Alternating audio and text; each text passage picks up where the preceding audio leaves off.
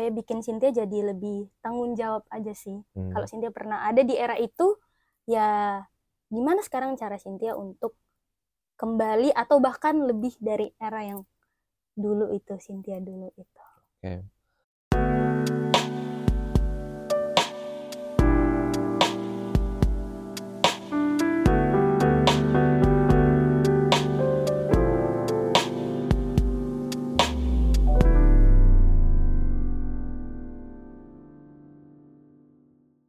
Baiklah semuanya, kita kembali lagi di episode terbaru The Felix Martua Series Indonesia's Ultimate Music Podcast bersama aku jurnalis musik Felix Martua dan Cynthia Gabriela. Apa kabar Cynthia? Baik, Kak Felix apa kabar? Baik juga. Eh, udah berapa lama di Jakarta? Udah seminggu, dua minggu? Kalau hitung besok seminggu. Seminggu ya. Oke, sebelum kita mulai interview ini, teman-teman semua, aku ngomong ini tidak dibayar sama sekali. Tolong kalian dengarkan lagu terbarunya Cynthia Gabriela yang bertajuk Siap Terluka dan duet Cynthia Gabriela bersama Summerlane yang tajuknya Sebelum Selamanya. Tuh lagu bagus banget. Oke, cari di streaming platform di YouTube. Kalian nggak akan nyesel. Sebagus itu, swear. Oke? Thank you. Iya, sebagus itu. Dan itu adalah alasan nomor satu kenapa aku kepengen banget bisa interview Cynthia Gabriela di podcastku ini. Nah, saatnya buat kita untuk napak tilas sedikit lah. Karena kamu udah empat tahun berkarir Iya. secara profesional di Betul. industri musik ini. Kita mulai dari pertanyaan yang paling gampang dulu aja. Bagaimana rasanya empat tahun terakhir ini? Rasanya empat tahun terakhir ini nggak nyangka sih Kak, bahwa ternyata Cynthia yang dulunya memang dijuluki sebagai musisi cover, Hmm. akhirnya bisa merilis totalnya ada sampai tujuh single, tiga indie dan empat di label. Hmm. Nah, menurut Cynthia itu salah satu apa ya em, portofolio dan kebanggaan juga buat Cynthia tersendiri karena bisa diterima sebagai professional singer di industri musik. Aku inget banget eh, tahun 2019 atau tahun 2020 gitu, ketika kamu mendapatkan nominasi AMI Award untuk Hmm. pendatang baru terbaik-terbaik lewat Percaya Aku.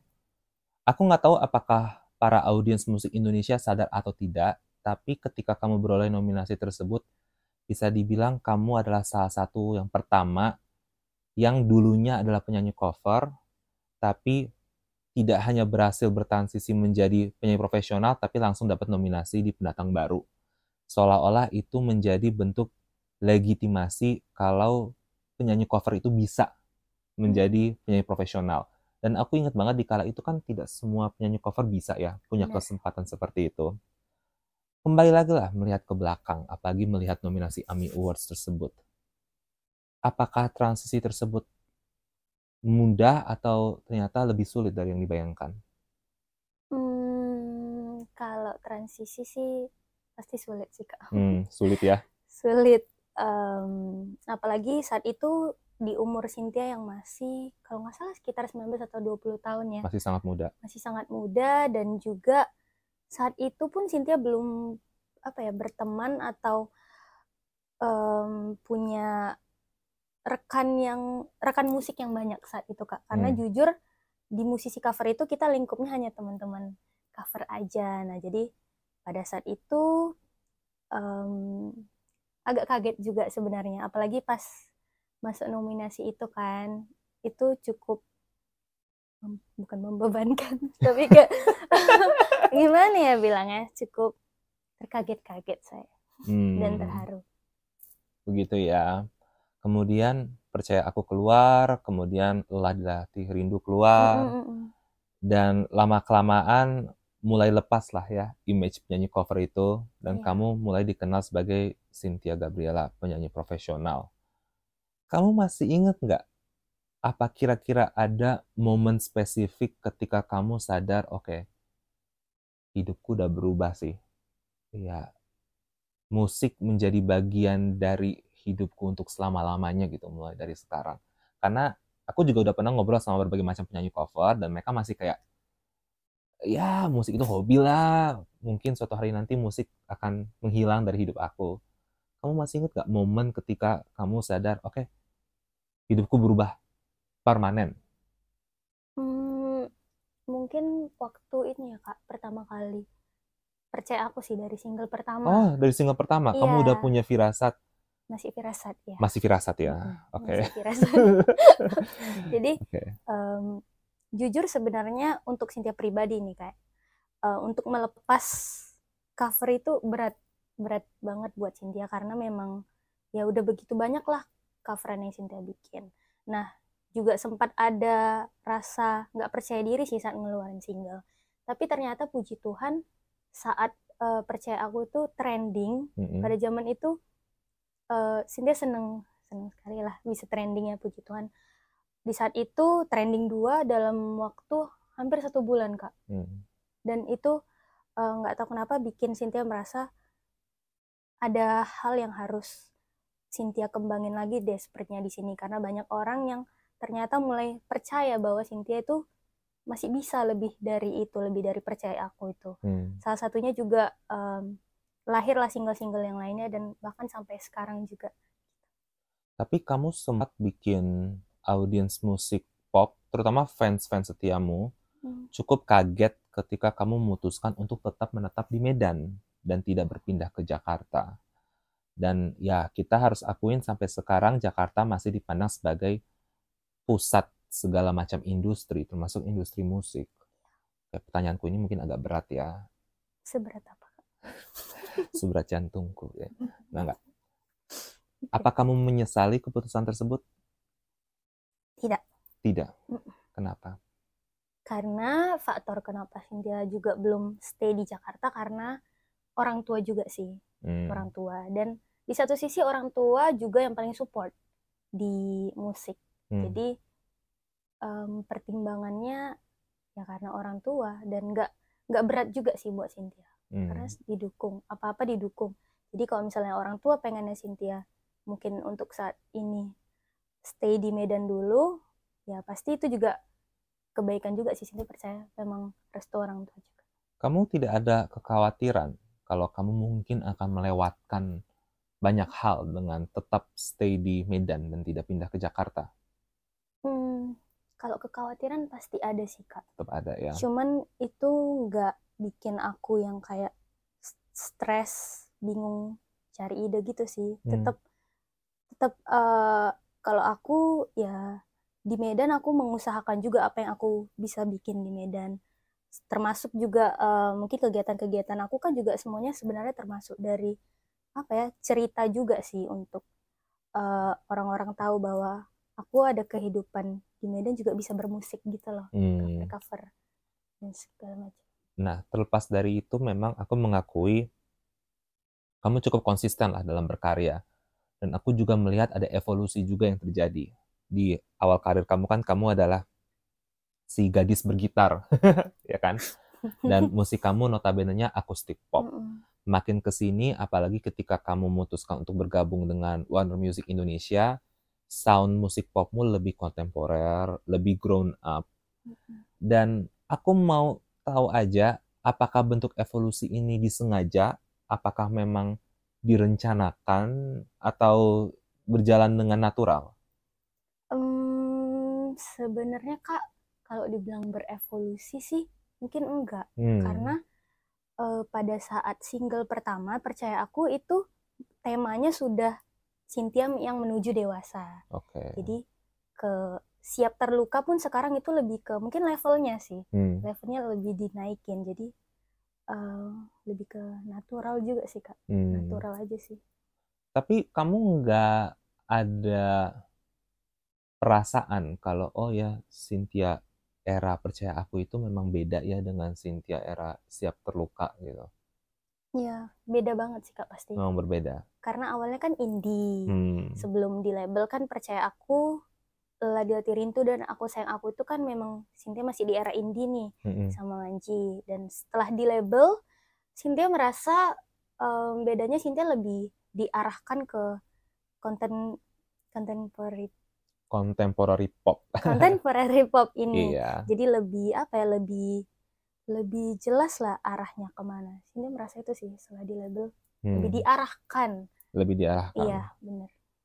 Em, kira-kira apa yang menjadi kesulitan di hari-hari yang lalu yang kamu merasa masih menjadi kesulitan untuk saat ini?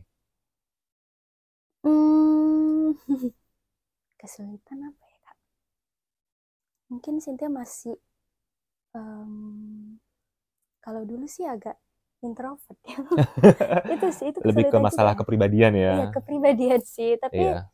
ya seiring berjalannya waktu sih ya mulai terbiasa lah. makin terbiasa. Iya. Tapi memang cukup challenging ya, karena aku juga melihat di era sekarang ini, di satu sisi musisi semakin dituntut untuk membuka diri, Benar. ya kan? Nge-share apa yang terjadi di kehidupan pribadinya. Bahkan kalau dia mau rekaman pun diharapkan dia share snippet-snippet behind the scene-nya, sekalian tag nama songwriter dan produsernya biar kita punya bayangan. Tapi di sisi lain, audiens juga mengharapkan ada sedikit misteri lah. Audiens juga pengen dapat kejutan. Jadi ya, singkat cerita makin ke sini audiens musik makin banyak maunya. Betul. Iya, BM-nya memang udah tingkat tinggi banget. Mm-mm, betul betul. Heeh. Gimana cara kamu menghandle itu? Cara menghandle-nya mungkin aku sih dimulai dari diriku sendiri ya, karena Oke.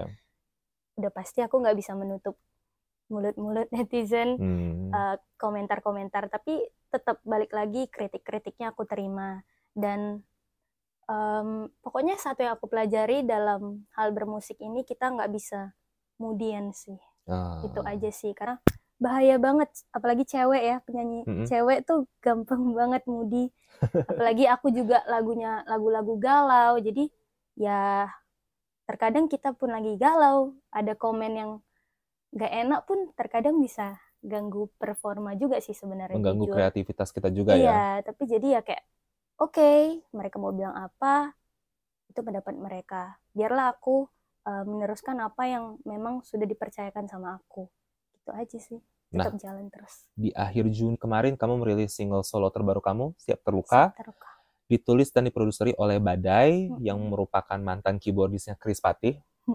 Ya, aku secara pribadi menyukai balada Iya. ini dan aku lihat perlahan-lahan angka play-nya juga naik. Aku pengen tahu aja di mata kamu apa yang membuat Siap Terluka ini berbeda dibandingkan dengan lagu-lagu kamu sebelumnya seperti Perjalanan Pulang, seperti Aku Sayang Aku dan lain sebagainya. Sebenarnya yang bikin beda itu kak salah satunya karena kak Badai juga Hmm. penulisnya kak Badai dan eh, sebenarnya Cynthia eh, sempat ngobrol nih sama tim label Cynthia bahwa eh, Cynthia pengen deh eh, Cynthia punya lagu yang bikin kayak comeback gitu karena kan Cynthia dulu cover-cover lagu 2000-an kak jadi iya kan kayak lagu Era Chris Chris Patih dan kawan-kawan ya. dan kawan-kawan jadi aku pengen lah kak eh, bisa punya lagu yang ditulisin sama eh, pencipta lagu-lagu yang dulu Cynthia coverin gitu. Nah Hmm. nah salah satunya pas momennya lagi ada eh, Kak Badai itu 23 tahun berkarya kemarin. Kita eh, Cynthia recycle lagu Mengenangmu. Dan saat itu ya momennya pas Cynthia ketemu Kak Badai wah kayaknya cocok nih lagu Cynthia ditulisin sama Kak Badai. Dan ternyata eh, Kak Badai juga punya visi yang sama Eh, dia pengen tetap ada ya tetap ada ciri khasnya Kak Badai menulis tapi dikemas dengan lebih modern karena dinyanyikan oleh Cynthia nah jadinya itulah jadilah terluka itu yang membedakan Kamu kan udah bekerja sama dengan berbagai macam songwriter dan produser yang cukup wahid ya di skena musik pop seperti Anji Manji, seperti Ragu Lewi. Iya. Di mata kamu apa yang membuat Badai beda gitu? Yang menjadi kekuatan terbesar Badai? Hmm, kekuatan terbesar Kak Badai sih adalah liriknya sih emang Hmm, magis nggak tahu kenapa memang relate juga kebetulan sama hmm. Cynthia Nah, tapi di saat bersamaan kan yang namanya balada soft pop kayak gini lumayan banyak, Mm-mm. ya kan? Eh, aku boleh tahu kapan kamu mulai workshop lagu ini? Kira-kira kapan? Hmm, sebenarnya lagu ini udah di udah udah dipersiapkan oleh Kak Badai jadi tinggal dikasih Oh, aja ke Cynthia sejak berarti udah lumayan lama lah ya. iya mungkin sekitar em, Mei Kak Mei ya. ketemu sama Kak Badainya dan rilisnya kan 23 Juni. Jadi Mm-mm. mungkin berapa bulan ya? Oh, Ke Juni. Sekitar dua bulan lah. dua bulanan lah ya. Mm-mm, mm-mm. Nah, ketika kamu memutuskan untuk merilis lagu ini, kamu sempat kepikiran nggak dengan bakal seperti apa sih dampak dari lagu ini? Karena memang, apalagi bila dibandingkan dengan lagu-lagu kamu sebelumnya, lagu ini menurutku lagu yang paling sedih dari seorang Cynthia Mm-mm. Gabriela, Iya, iya, ya kan? Dan eh, aku perhatiin mood audiens musik Indonesia lagi agak naik turun gitu. Da- Dari pergerakan di tanggal lagu, kayaknya ada momen ketika mereka pengennya agak uplifting, tapi ada momen ketika mereka benar-benar pengen sesedih-sedihnya gitu. Mm. Kamu memikirkan nggak mengenai kira-kira seperti apa respon audiens nanti? Karena ya sekali lagi ini lagu lagu kamu yang paling sedih sih menurutku. Mm-mm. Iya benar sih Kak. Sebenarnya yang Cynthia harapkan ketika Siap Terluka ini rilis Mhm. adalah para pendengar itu bisa kembali eh, bernostalgia sih Kak. Ah, Bernostalgia tapi dengan eh, ya kemasan yang lebih modern lagi, Le- Yes. lebih menyayat hati lagi di tengah musik yang semakin apa ya, semakin modern ini. Jadi Hmm. tetap ada rasa tahun 2000-annya yang diciptakan Mm-mm. oleh Kak Badai tapi dinyanyikan oleh Cynthia yang sudah anak milenial. iya. Tapi menurutku itu sesuatu yang cerdas sekaligus mulia ya, karena Mulia. terutama buat generasi Z sekarang ya, kayaknya mereka perlu tahu gitu loh kenapa era 2000-an itu adalah era yang sangat magis Betul. di musik Indonesia. Karena kadang aku khawatir mereka hanya ingat apa yang terjadi di tahun 2010-an. Betul. Kan momen-momennya Raisa, Tulus. Isyana gitu. Aku khawatir mereka nggak aware mengenai era-era Chris Patti, Peter Pan, dan kawan-kawan. Iya. Tapi coba dari pengalaman hidup kamu aja lah, kenapa sih musik era 2000-an itu sebegitu magisnya? Hmm, kalau Cynthia mungkin karena itu di zaman sekolah ya Kak. Oke. Cynthia menghabiskan waktu di sekolah, di les, dan semuanya itu memang nggak lepas dari musik kan. Hmm. Jadi ya anak jam bukan anak zaman dahulu sih. Maksudnya yang se, eh, seangkatan sama Cynthia pasti Mm-mm. eh, sangat apa ya? Zaman-zamannya mau ngapa-ngapain pokoknya kodeinnya pakai lagu-lagu itu. Jadi Oh gitu ya. jadi lagu-lagu Dulu itu kan kan nggak ada Twitter ya, nggak bisa iya, nggak nge-tweet kan, nggak bisa nge-DM. Iya, jadi Jadi kalau iya. mau bikin kode ya pakai lirik lagu ya. mm, betul. itu salah satunya kak. Iya, ngeburn CD, bikin mixtape, Iya kaset betul. kompilasi. Berarti menurut kamu lebih maknyos mana? Era 2000-an atau era sekarang? Era sekarang aja lah karena Era ada sekarang Cynthia. aja ya. Jawabannya pintar. Oke, oke, oke. Nah, kemudian muncullah sebelum selamanya. Iya. Ya kan? Dan aku sangat terkejut dan aku sangat terkesan. Aduh, guys, please dengar sebelum selamanya. Jadilah yang pertama yang mendengar ya. Jangan tunggu viral dulu baru dengar. Ya, karena nggak keren banget, nggak Iya, keren iya. banget. Jadilah pionir gitu loh. Jangan jadi pengikut. Biar aku ngomong sedikit panjang lebar ya, kenapa menurutku sebelum selamanya ini sangat brilian. Satu, menurutku lagu ini berhasil menghormati tradisi musik pop rock Indonesia yang mencapai puncak kejayaannya di tangan band-band seperti Dewa 19 dan Sheila on Seven dan kawan-kawan. Jadi ada elemen nostalgianya. Akan tetapi alasan nomor dua, elemen nostalgia ini dibawa ke era sekarang dengan produksi yang lebih tajam, dengan melodi yang lebih kekinian, dengan lirik yang lebih relatable. Jadi aku meyakini lagu ini bisa memuaskan dahaga audiens yang lebih tua maupun audiens yang lebih muda. Yang ketiga adalah aku melihat terutama para songwriternya ya, seolah-olah menyingkirkan sedikit ego mereka, yuk kita bikin lagu yang mewakili perasaan orang lain kecuali kita gitu. Jadi ada selflessness Hmm. gitu loh, iya kan? Ada rasa lepas diri di lagu ini dan itu menyentuh banget buat aku. Tapi alasan keempat, alasan terakhir sekaligus menurutku yang paling penting adalah kehadiran kamu di lagu ini. Iya. Jebakan Batman-nya guys, biasanya ada band pop rock bikin lagu duet, mereka nge vokalis entah laki-laki atau perempuan dengan suara yang powerful. Menurutku itu nggak selalu berfungsi dengan baik, karena ending-endingnya lagunya malah mohon maaf berisik. ya kan kita udah pernah lah dengar lagu-lagu kayak gitu kan. Iya. Kita harus kecilin dulu volumenya gitu loh. Nggak mungkin diputar di radio, nggak mungkin. Kita nggak bisa ngobrol sama orang kan.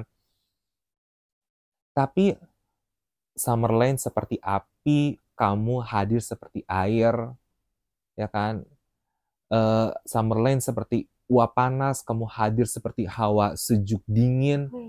Di atas kertas nggak seharusnya ini berfungsi, tapi ketika dilihat versi nyatanya berfungsi banget ya. Bahkan di refrainnya meskipun suara kamu nggak terlalu kedengeran banget aku merasakan kehadiran kamu. Dan ini sebelum aku nonton video klipnya ya aku tipe orang yang nggak terlalu peduli mengenai video klip yang penting audionya dulu. Iya. Dan ini uh, bentuk pernikahan musik yang kayak aduh bener-bener harusnya di luar logika tapi hasilnya indah banget. Dan aku kecanduan. Kecanduan. Ya aku kecanduan ya dan aku aku terus terang tidak peduli mengenai apakah lagu ini akan mendapatkan apresiasi ke depannya atau tidak. Aku akan terus bersikuku ini adalah salah satu lagu terbaik yang pernah ku dengar tidak hanya di 2023 tapi di dekade ini. Ya tapi kembali lagi aku merasa lagu ini mencapai level dewa itu ketika ada kehadiran kamu di sini. Ya otherwise ini cuma kayak cowok-cowok doang nyanyi gitu kan. Oke okay lah it's nice tapi ya it could be better. Thank you kak. Dan kalau kita kembali melihat potret karirmu lagu ini juga menjadi pembuktian bahwa oke okay, Cynthia Gabriela tidak takut untuk bermain nakal sedikit yeah. untuk uh, mengganti sepatu uh, Toffel dengan uh, combat boots. Tahu combat boots kan? Ya kan? Nah, ya kan untuk sekali-sekali ganti bando hmm. jadi uh, bandana tapi nanti get it kan maksudnya yeah, ya yeah. kan uh -uh. dan aku sangat menyesal aku tidak menonton penampilan kalian di Pesta Pora. Mudah-mudahan ada versi YouTube-nya ya. Aku pengen tahu seperti apa sih itu ketika di atas panggung. Oke, okay. itu khotbah aku yang panjang lebar dan semoga khotbahku itu meyakinkan kalian untuk dengar lagu ini ya dan aku bakal bilang ke kalian I told you so kalian pasti bakal suka balik lagi ke Cynthia Gabriela kok mau terlibat di project ini dengan produksi seperti ini. Kamu cuma satu manusia Summerland ada empat manusia. Ya kan? Repot kan? Seperti PR yang merepotkan kan? Kok kamu mau? Kalau mau sih uh, aku menganggapnya simpel aja sih kak. Aku hmm. pengen pendengarnya Summerland juga bisa kenal aku lewat karya itu. Jadi ya berbagi pendengar juga sih. Maksudnya uh, ya yang pendengarnya kan juga pasti hatinya Hello Kitty ya kak membutuhkan yang uh, peredam tadi itu lah peredam hmm. gitu gitu dan kalau ditanya kok mau juga karena um, ini salah satu kesempatan yang baik juga kak buat Cynthia. Cynthia nangkepnya um, ini kan belajar hal baru ya, kolaborasi bareng dan popang.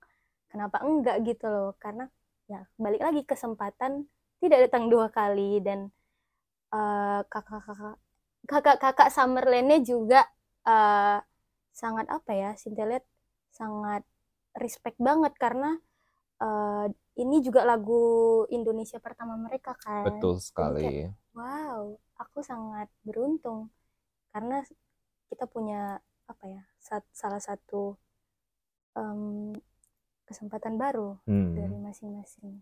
Coba uh, ceritakan dulu deh ketika kalian bikin lagu ini bareng-bareng ya, karena kalau salah langkah dikit aja bisa-bisa vokal kamu digebukin kan, kamu malah dikeroyok kan. Kembali lagi memang di atas kertas nggak fair ya kamu cuma satu manusia mereka empat manusia gitu kan. Mm -mm.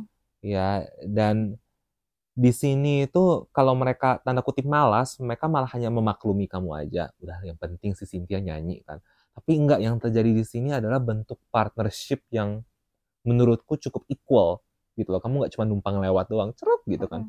Iya. Seperti apa sih percakapan yang terjadi antara kamu dan teman-teman Summerland untuk memastikan karya ini menghormati karakternya Summerlane juga, tapi tetap menghormati karakter kamu juga.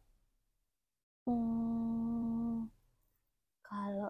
Itu sih pas proses rekaman sih Cynthia um, merasa agak kesulitan sih kak sebenarnya. Hmm. karena jujur vokal Cynthia kan agak tipis. Ya kan? Tapi di situ ya dari kakak Summerlandnya juga nggak um, apa ya nggak memaksa yang gimana sih. Mungkin kayak uh, Cynthia keluarin aja karakter vokal kamu power kamu segimananya nanti biar kakak-kakak yang backup oh, oke okay. mereka ya, cukup gentleman lah ya iya begitu ketika kamu dengar hasil akhirnya apa kesan pertama kamu Hmm, kaget lah. Kaget. Iya, okay. kaget karena aku kira suaraku dengar kedengaran lagi di situ. Masih ada. Masih ada. Dan ngeblend gitu loh. Yang paling penting sih uh, aku ngeblend, aku enjoy juga sih. Karena jujur ada keraguan kak waktu aku rekaman, aku ragu kayaknya ya udahlah, mungkin aku hanya sebagai backing vokal gitulah jatuhnya. Tapi ternyata di mixing dan mastering dengan baik sih jadi aku senang sama hasilnya hmm.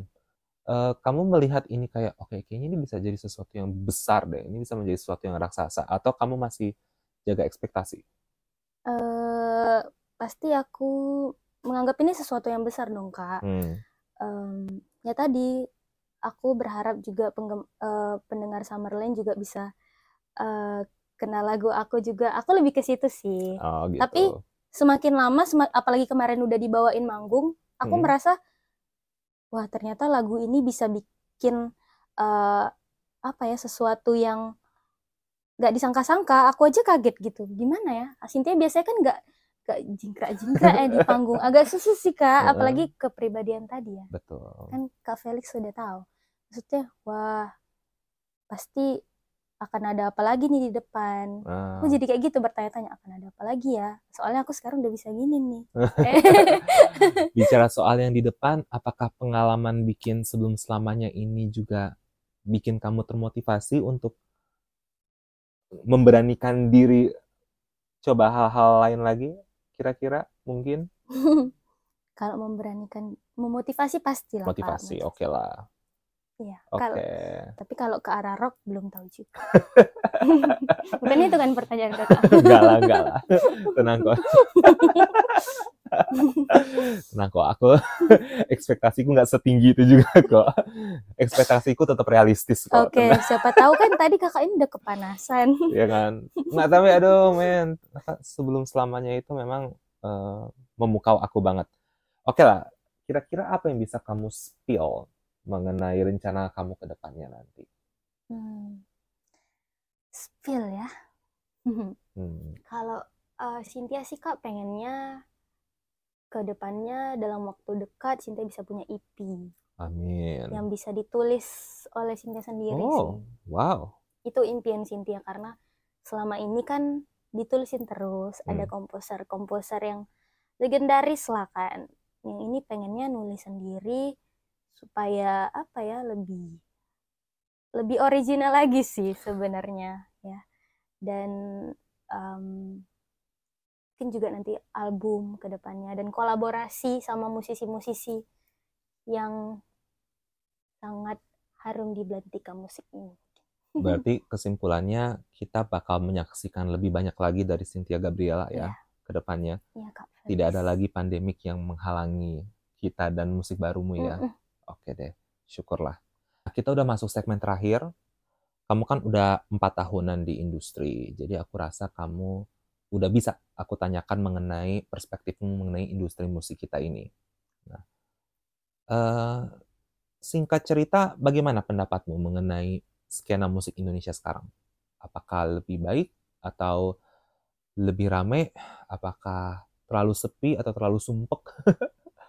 hmm. Ya kalau Cynthia melihat industri musik sekarang sih lebih apa ya bervariasi, lebih ramai seperti Kak Felix bilang dan juga senangnya itu banyak warna baru ya. Hmm. Dan kalau Cynthia melihatnya ada banyak musik yang mungkin pada saat dulu itu nggak bisa diterima, tapi sekarang sudah diterima. Kebanyakan itu kan misalnya lagu yang mungkin viralnya baru sekarang, padahal sudah ada sejak uh, dua atau tiga tahun lalu jadi kayak pendengar-pendengar musik sekarang semakin apa ya semakin um, jeli sih ternyata Hmm. banyak banget eh, karakter-karakter eh, yang luar biasa di musik Indonesia ini.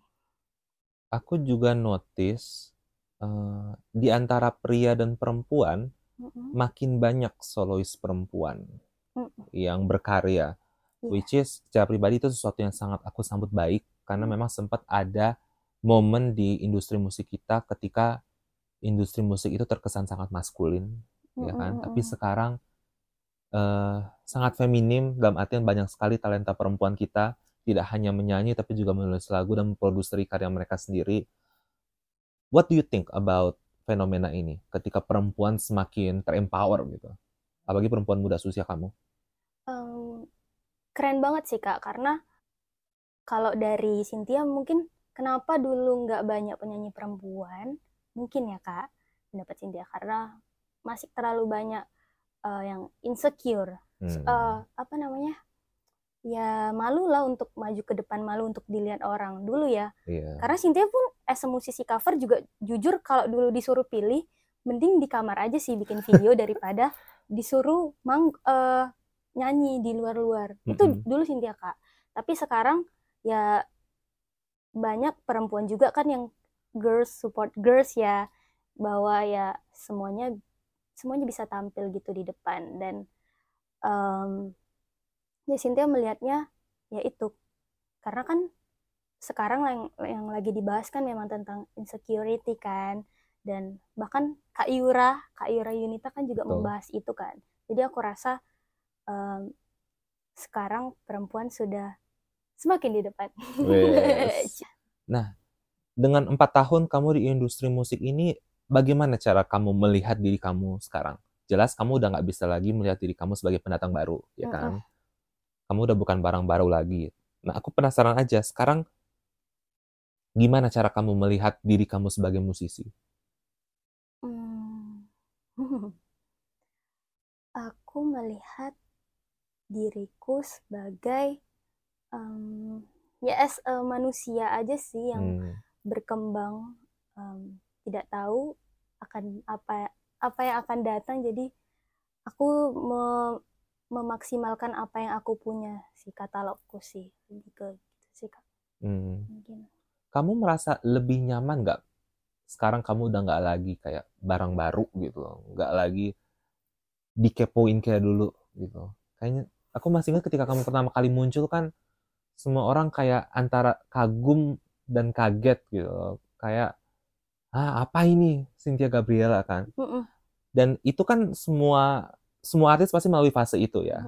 Ya ketika privasi kita bener-bener diinvasi banget Iya. gitu. Ah, Bener deh ah, sampai ah. ke warna rambut kita aja dibahas dan digunjing.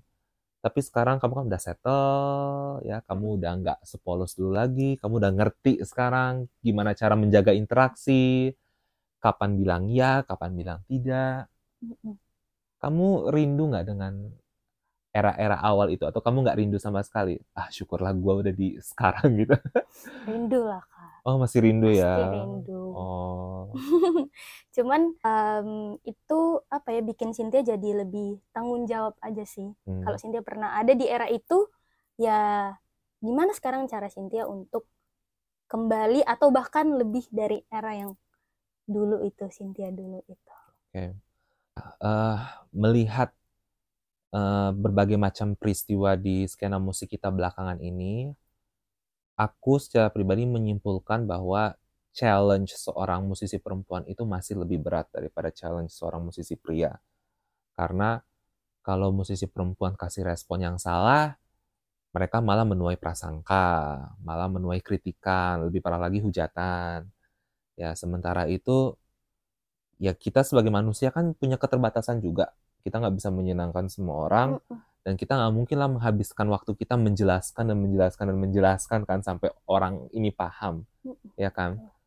Dan di saat bersamaan tentu masih ada concern-concern lain, concern yang diam-diam menjadi beban pikiran musisi-musisi perempuan juga, misalnya seperti apakah aku berkarir sekaligus kuliah, bagaimana cara aku menangani perkuliahanku, apalagi sekarang aku uh, berpenghasilan, bagaimana cara aku menyimbangkan antara karir dan keluarga. Ya, apalagi momen ketika semakin aku bertambah usia, aku semakin menjadi basically kepala keluarga. Buat laki-laki kayak aku aja itu udah PR gitu lah bagi buat perempuan muda. Dan kamu mengawali karir kamu di usia yang sangat muda dan dengan popularitas muncul tanggung jawab juga kan. Iya dan oh kalau aku usia 19 tahun sih kayaknya aku udah langsung out. udah deh out aja aku fokus kuliah aja. Pusing gitu loh mikirin bandku, mikirin manajerku, mikirin labelku, mikirin tiket pesawat, ya kan? Iya, aduh hari ini tampil di Medan, besok tampil di Banjarmasin, besoknya di Bogor, besoknya di Banjarmasin lagi, ya kan? Buat laki-laki aja itu PR, apalagi buat perempuan kan, perempuan muda lah. Tapi kembali lagi, kamulah yang paling merasakan semua itu. Suka dukanya, berat mudahnya. Pada akhirnya, menurut kamu, possible nggak sih untuk bisa uh, menjalankan semuanya? Apa ya? Aku kan juga sudah menjalani kak seperti yang tadi kak Felix bilang itu. Aku berkarir pada saat aku masih kuliah saat itu hmm. dan kampusku straight banget kak. Nggak bisa nggak bisa eh, nggak uh, datang ada kompens uh, kompensasi aku dulu di negeri ya salah hmm. satu universitas negeri kalau nggak datang atau terlambat ada kompensasi jadi uh, background uh, papa papa mamaku pun maunya nggak boleh berkarir kalau uh, maksudnya sekolahnya harus selesai gitu ah. loh nah itu lagi kan masih banyak lagi sebenarnya hmm. uh, tanggung tanggung jawab lain kak di musik gitu. Dan ternyata uh, Cynthia bisa melewatinya gitu loh bersama hmm. Tuhan sampai sekarang ini. Dan ya buat orang lain juga pasti um, tenang aja gitu karena hmm. jangan panik ya? Jangan panik jangan panik. Jangan panik. Semuanya bisa akan terselesaikan dengan baik dan tepat waktu sih. Agar sab asal sabar sama prosesnya karena proses pasti beda-beda. Ah, iya. Pertanyaan super duper terakhir banget uh, setelah kamu menjalani semuanya, bagaimana cara kamu mencapai keseimbangan dalam hidup dan karir? Hmm, keseimbangan dalam hidup dan karir. Hmm, sebenarnya belajar mencukupkan sih kak mencukupkan. segala sesuatu ya. Hmm. Karena kalau misalnya ada suatu yang kita terlalu banyak porsinya ke situ, pasti langsung udah nggak seimbang lagi ya gitulah uh, intinya ya harus kita diberi ya hikmat lah buat ngerti mana yang harus diprioritaskan prioritas, prioritas. sih harus tahu apa yang iya. kita prioritaskan itu kata yang bagus sih prioritas hmm.